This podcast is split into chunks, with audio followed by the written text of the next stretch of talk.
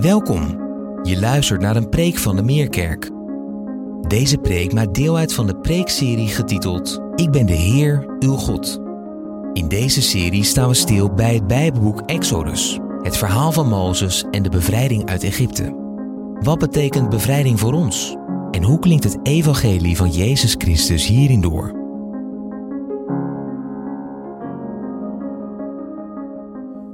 Goedemorgen allemaal.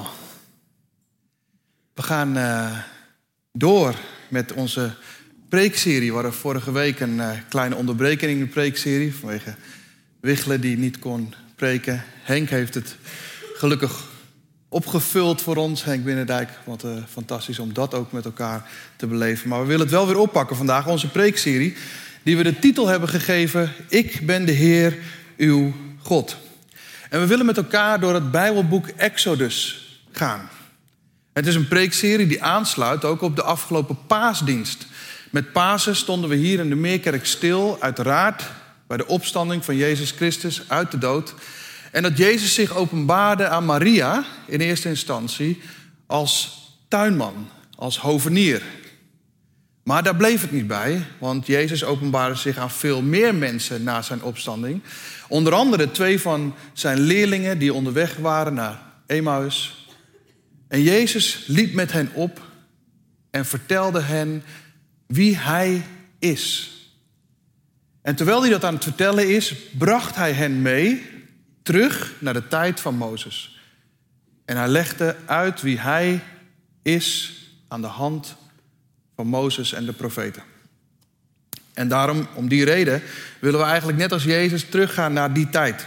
Teruggaan naar Mozes. En de komende weken willen we dus gaan door dat Bijbelboek Exodus. En daarbij kijken we naar de roeping die God heeft met het leven van Mozes uiteraard. En zullen we steeds meer en meer en elke keer weer tot de ontdekking komen dat alle verhalen, ook in het Bijbelboek Exodus, gelinkt zijn met het evangelie van Jezus Christus. Het gaat uiteindelijk om wie Hij is. En in de verhalen zien we dus dat grotere plan dat God heeft.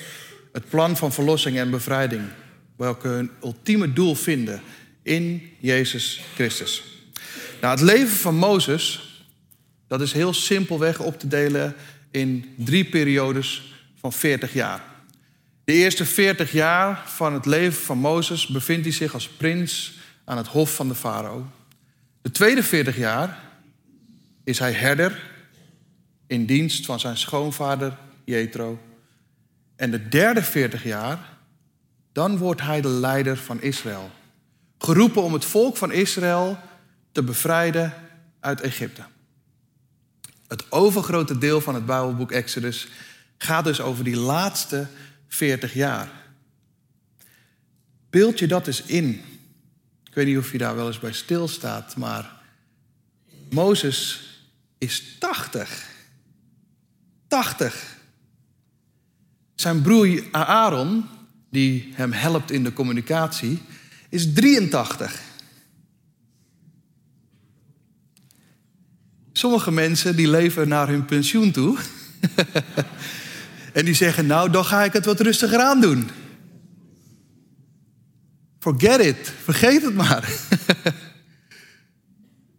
ik wil me dat dan in. Hoe zou dat zijn geweest voor Mozes en Aaron? Als ze de schapen en de geiten aan het hoeden zijn. Misschien hebben zij die gesprek ook wel gehad. Dat Mozes ook tegen Aaron zei van... joh, Aaron, poeh, nog eventjes. Ons pensioen is in zicht. Gaan we het wat rustiger aandoen met z'n tweeën. Ja, en God denkt daar dan anders over. In de Meerkerk op kantoor hebben we met de staf wel eens de uitspraak gedaan... Oud is goud. Kijkend naar onze senioren, welke we ook hebben in onze zaal, waar we zo dankbaar voor zijn. Oud is goud. Het zou zomaar eens kunnen zijn dat als we met pensioen zijn, en Henk noemde het vorige week ook een klein beetje, dat de beste tijd nog moet komen. En dat God je misschien wel roept, nog veel meer na je pensioen, dan dat hij dat doet voor je pensioen. Wie zal het zeggen? Twee weken geleden Want we willen wel de draad oppakken waar we gebleven waren. En dat is twee weken geleden. Twee weken geleden sprak Jurgen ten Brinke hier over de roeping van Mozes. En Mozes die allerlei excuses had om niet te doen wat God uiteindelijk van hem vroeg. En misschien ook wel terecht. Maar daar willen we vandaag op voortborduren. Want de roeping die God had met Mozes was heel duidelijk. De roeping was: Mozes, ga naar de farao om mijn volk, de Israëlieten, uit Egypte weg te leiden. En, klein detail, dat vertelt God ook in alle eerlijkheid aan Mozes. Uh, als je dat dan gaat doen en je gaat naar de farao, ja, hij luistert niet. Zet hem op. Bizar toch? Je wordt geroepen om iets te doen waarvan je van tevoren weet dat dat niet zoveel uitmaakt. en toch gaat hij als 80-jarige met zijn broer 83. En dan komen ze dus uiteindelijk voor de farao te staan. En dat doen ze precies zoals God heeft gezegd. En dan starten we dus in Exodus hoofdstuk 5 vandaag. Want er staat daar dit. Dit moeten zij zeggen tegen de farao. Dit zegt de Heer. Laat mijn volk gaan om in de woestijn ter ere van mij een feest te vieren. Nou, dat is een vraag, een oproep aan de farao, wat zijn reactie misschien wel duidelijk maakt. Hij is daar niet zo erg van onder indruk, want de vraag die farao dan vervolgens stelt, retorische vraag denk ik, maar wie is dan die Heer dat ik hem zou moeten gehoorzamen? En, en deze reactie van de farao is heel erg belangrijk als we gaan kijken naar die tien plagen en naar het bloed van het lam. Deze reactie van de farao is heel belangrijk. Want deze reactie van de farao, daar krijgt hij antwoord op. Wie is de Heer dat ik hem zou gehoorzamen? De tien plagen zijn het antwoord op die vraag. Wie is de Heer dat ik hem zou gehoorzamen? Die tien plagen vormen het antwoord. In die tien plagen maakt God zich bekend voor wie Hij is. Die tien plagen vormen de voorbereiding voor de uittocht uit Egypte. En we gaan al die hoofdstukken niet door, maar ik zou wel het advies willen geven als je thuis komt en je hebt nog tijd over vandaag of deze week. Neem daar eens de tijd voor om die hoofdstukken te lezen. Die gaan over de tien plagen, hoofdstukken 7 tot en met 12 van het Bijbelboek Exodus. Maar het start dus allemaal in het hoofdstuk 5. Dus als je dan toch bezig bent, ik zou zeggen, start vanaf hoofdstuk 5 en lees eens tot en met hoofdstuk 12. Om de context te zien waar die tien plagen in geplaatst zijn. Die tien plagen vormen de start van de bevrijding van slavernij, van afgoderij en de afhankelijkheid daarvan. In Exodus 12, voorafgaand aan de laatste plaag, daar zegt God het heel duidelijk.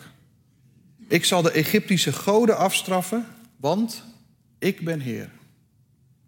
En ik denk dat dat goed is om ons te realiseren, want deze inleiding is nodig om te kijken straks naar die tien plagen.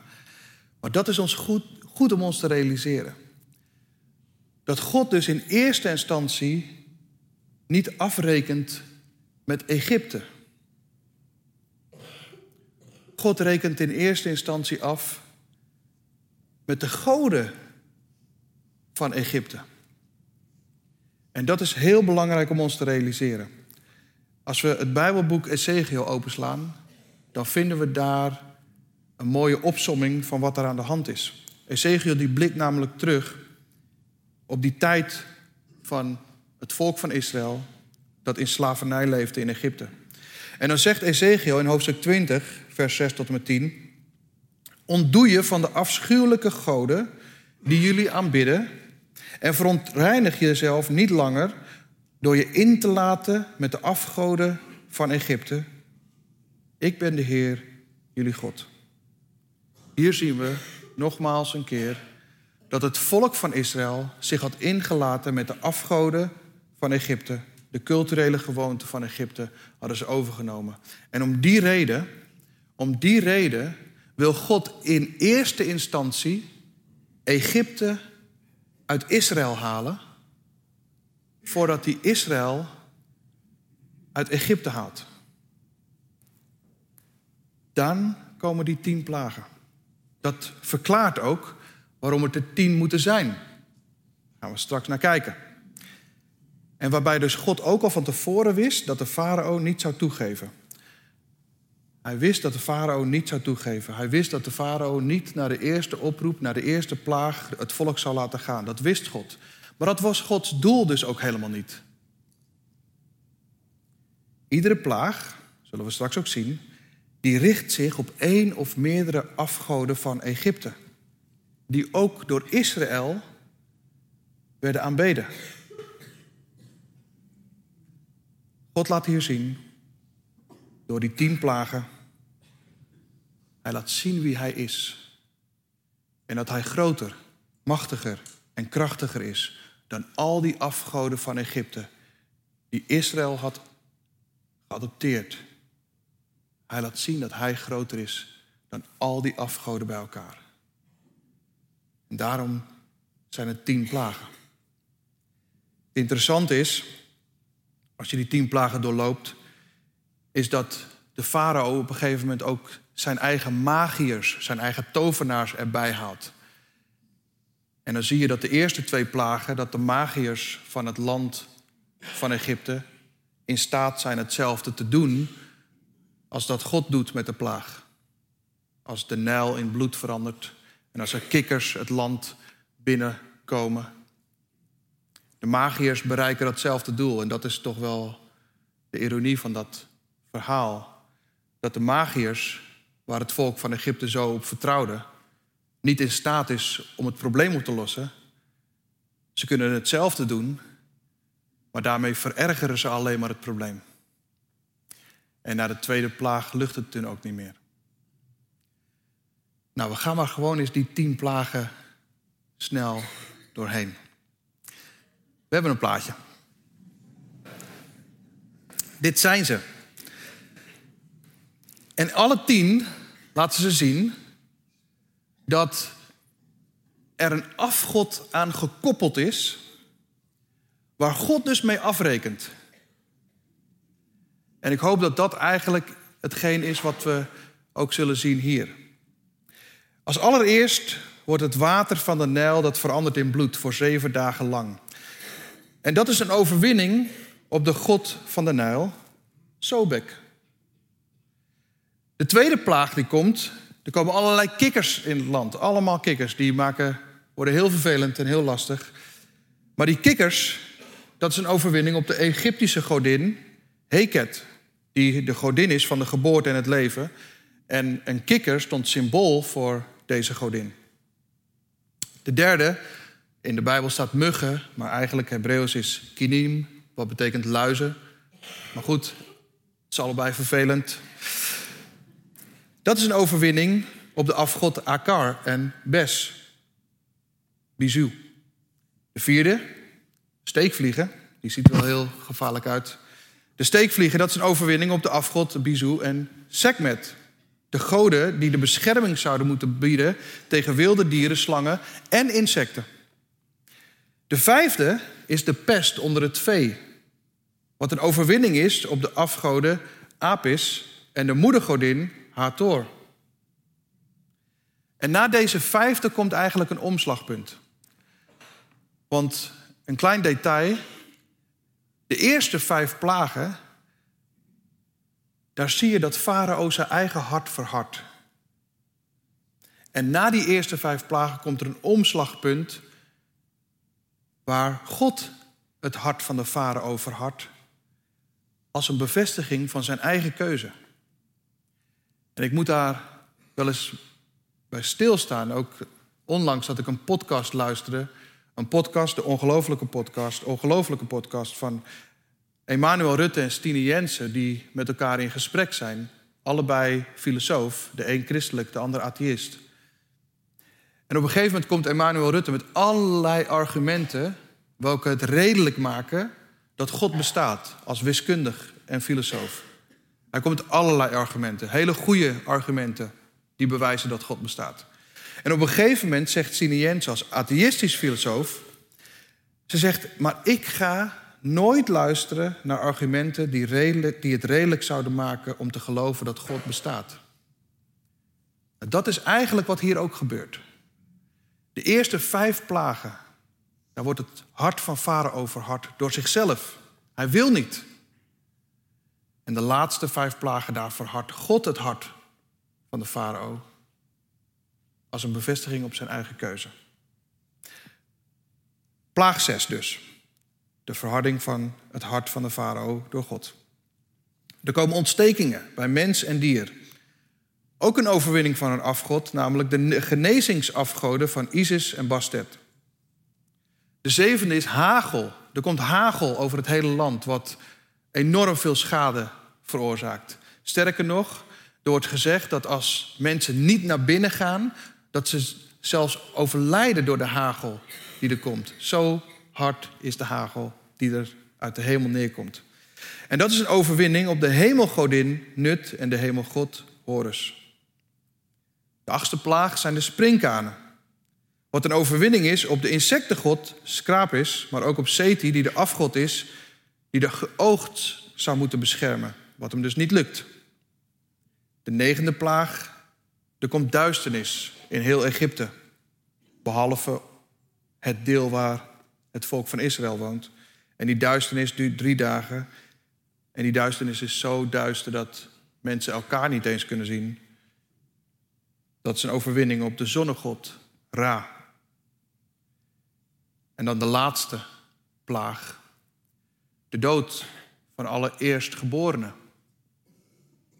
Dat is een directe aanval op de farao zelf. De farao die zelf als een god werd vereerd en waarvan men dacht dat hij de incarnatie was van Osiris, de schenker van het leven. Hier blijkt deze schenker van het leven machteloos te zijn. De farao krijgt op een hele harde wijze antwoord op die allereerste vraag die hij stelt toen Mozes en Aaron voor hem stonden. Wie is dan die Heer dat ik hem zou moeten gehoorzamen? De tien plagen vormen het antwoord op die vraag. Het is een afrekening met alle afgoden die deel waren geworden van het volk van Israël. Voordat zij het land uit moesten gaan, moesten ze verlost worden van de afgoden die ook zij hadden aanbeden. Het is bijzonder dat voorafgaand aan deze laatste plaag, deze tiende plaag, dat God het Pesachmaal introduceert. Wonderlijk. We hebben die negen plagen gehad. Negen plagen die het land van Egypte hebben geteisterd. En dan komt die tiende plaag, de meest verschrikkelijke plaag.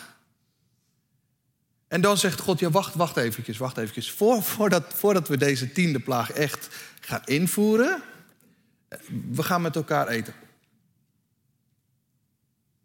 Er komt een Pesachmaal.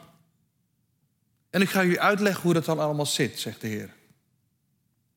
Jullie moeten in ieder geval het Pesachmaal eten op een wijze dat je in ieder geval er klaar voor bent om snel te vertrekken. Dus hou je gordel om, doe je sandalen aan, hou je staf vast. Daarom is het brood wat je eet ongedezend. Het kan niet reizen, dat kan niet. En wat je dan moet doen, is je moet een lam vinden zonder enig gebrek, wat later het Pesach-lam wordt genoemd. Je moet een lam vinden zonder enig gebrek en die moet je offeren. Die moet je offeren en eten. In combinatie met bittere kruiden, want dat zal je herinneren dat de tijd van slavernij bitter was. En als je dat gedaan hebt, smeer dan het bloed van het lam wat je geslacht hebt, wat zonder enig gebrek was, smeer dat op de deurposten en op de dorpel van de deur van jullie huis. Pesach. Pesach betekent voorbijgaan. Of, wat misschien wel een mooiere, misschien wel mooier is om te vertalen, beschermen. Je kan die tiende plaag van God zien als de veroordelende kant van God. Je kan het ook zien als een beschermende kant van God. Hij biedt namelijk een uitweg. Als we het woord vertalen met voorbijgaan, dan kan het zomaar de gedachte opleveren dat je denkt dat God een ander doel heeft. Hij gaat voorbij en hij heeft een ander doel voor ogen, wat zich elders bevindt. En daarom is de vertaling om het te vertalen met beschermen misschien wel veel mooier. Omdat het doel vindt zich namelijk in de bescherming van het huis waar het bloed van het lam op de posten en de dorpel zit. Datzelfde woord Pesach, wat staat als bescherming, vinden we ook terug in het Bijbelboek Jezaja.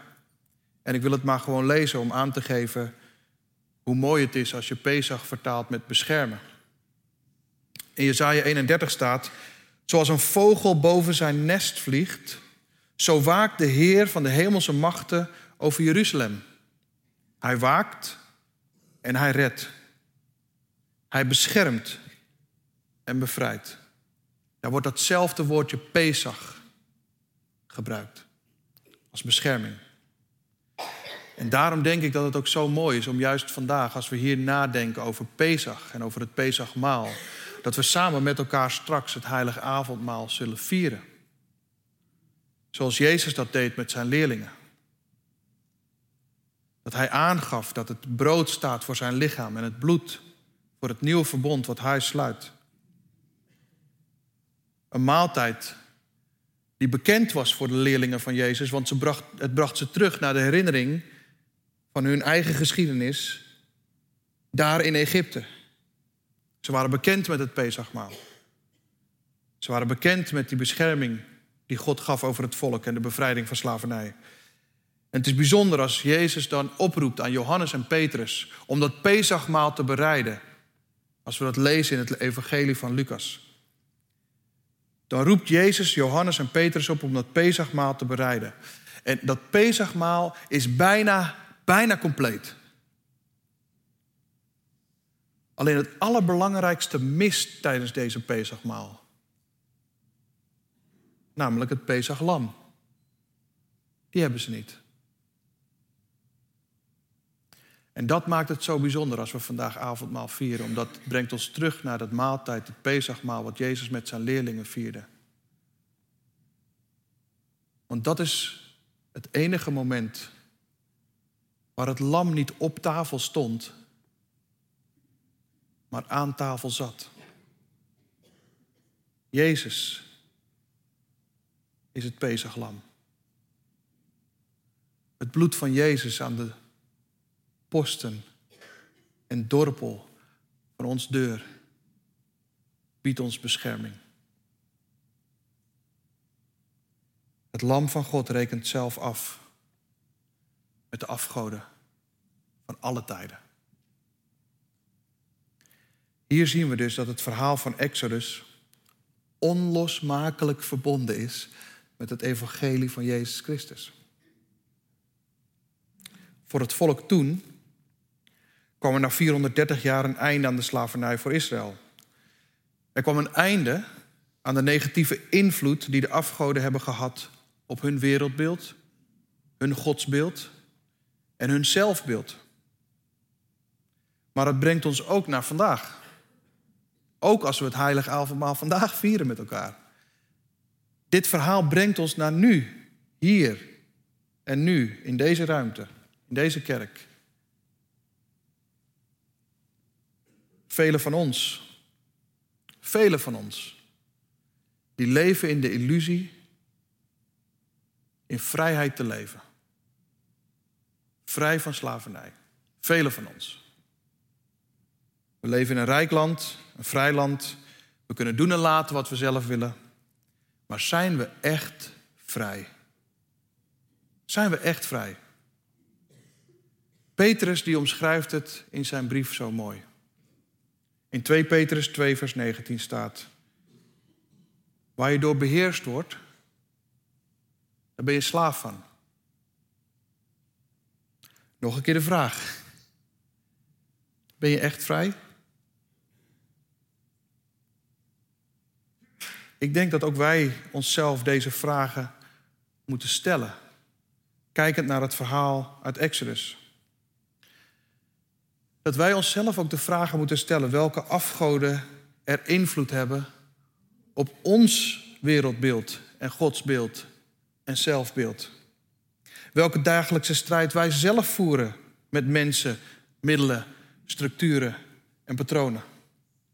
Hoeveel van ons, hoeveel van ons worden er niet beheerst door de mening van anderen? Hoeveel worden er niet beheerst door gevoelens als depressie, verslaving, angst, onzekerheid, stemmen in ons hoofd die ons wijs willen maken dat we er niet toe doen, die ons doen denken dat dit het is, dat er geen God is die naar jou omkijkt, dat het leven leeg is, oppervlakkig en in essentie zinloos, dat er geen hoop meer is. Ben je werkelijk vrij? Of word je beheerst door één van deze dingen? Ben je daar slaaf van. En het is absoluut waar dat een leven zonder Jezus Christus, een leven zonder Jezus Christus gaat inderdaad richting een hopeloos einde. Maar een leven met Jezus Christus gaat richting een eindeloze hoop. Ik wil afsluiten met een schilderij. Sommigen van jullie weten dat ik een beetje gek ben op schilderijen. Ik heb hem niet hier bij me, maar ik heb hem wel op beeld.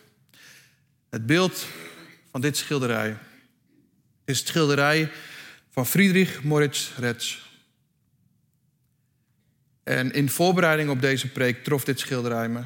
En ik wist niet eens wat ik er zo goed mee moest. Ik wist ook niet wat ik erover moest vertellen. Maar ik dacht, ik laat hem maar gewoon zien. Nou, kijk er maar even naar.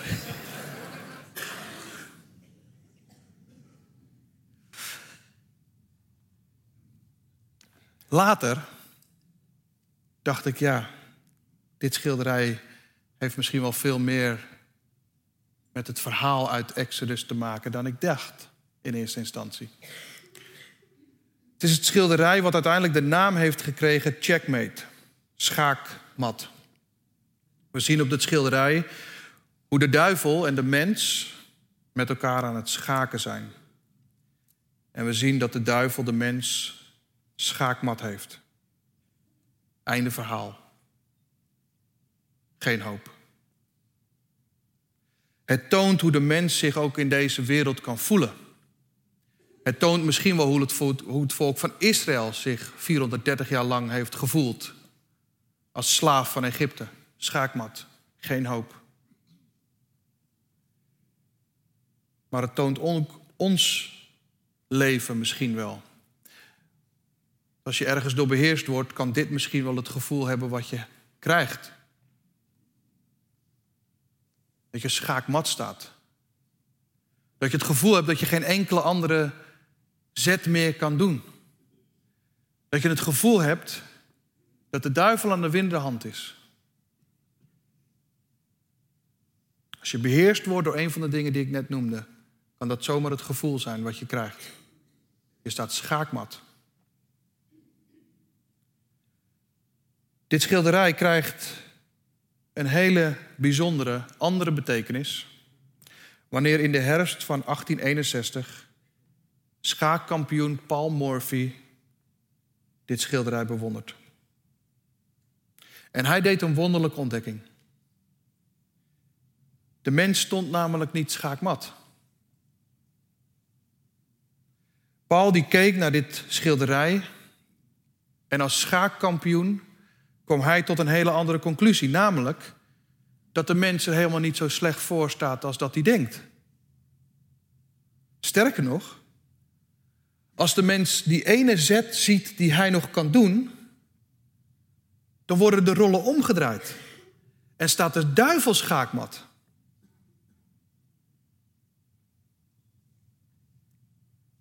En dat geldt ook voor ons. Jezus. Het Pesachlam van God. Hij is onze ene zet. Als we die zet doen, zijn de rollen ineens omgedraaid. Daarom vieren we straks het heilige avondmaal.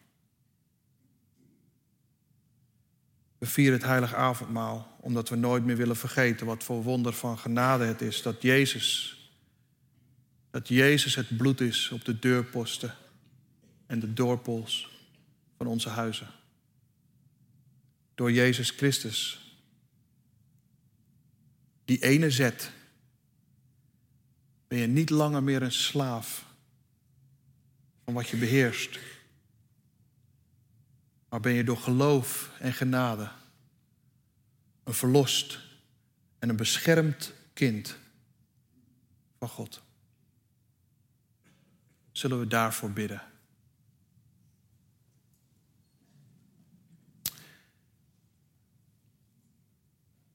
Heer, als we dit schilderij tot ons door laten dringen en het verhaal van Exodus. Dan zitten we hier in deze ruimte en misschien wel kijkend via de livestream. We zitten allemaal anders hier. Niemand van ons is hetzelfde. En in ieder van ons komt ergens anders vandaan. We hebben allemaal onze eigen makken. Onze eigen zwaktes. We hebben allemaal, zoals we hier zitten, momenten dat we denken schaakmat te staan. Dan bid ik, Heer, dat we ons oog gericht mogen houden op U. Het Pesach-lam dat de zonde van de wereld wegnam. U bent onze ene zet, waardoor we de overwinning behalen. Heer, en zoals we hier zitten, allemaal anders, niemand hetzelfde. Dan bid ik dat we één iemand gemeenschappelijk hebben naar wie we op durven kijken. En dan bid ik dat we die ene zet durven zetten. Onze eigen deurposten en dorpel in te smeren met het bloed wat u heeft gegeven. Met het lichaam wat voor u, wat voor ons gebroken is en gegeven is.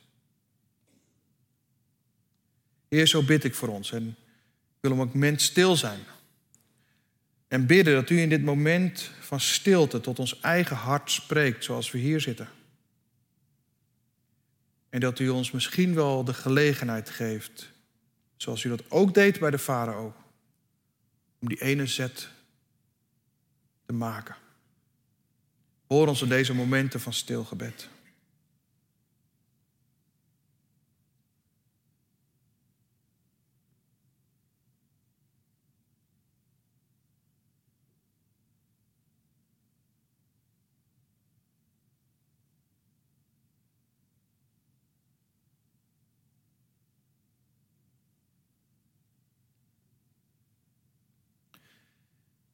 Ja, dank u, Heer. Dank u dat u de weg bent gegaan die wij niet konden gaan. Dank u dat we door geloof en genade een verlost en beschermd kind van u mogen worden. Niet langer meer een slaaf van alles wat ons beheerst of kan beheersen, maar verlost, bevrijd en beschermd door de Allerhoogste. Amen.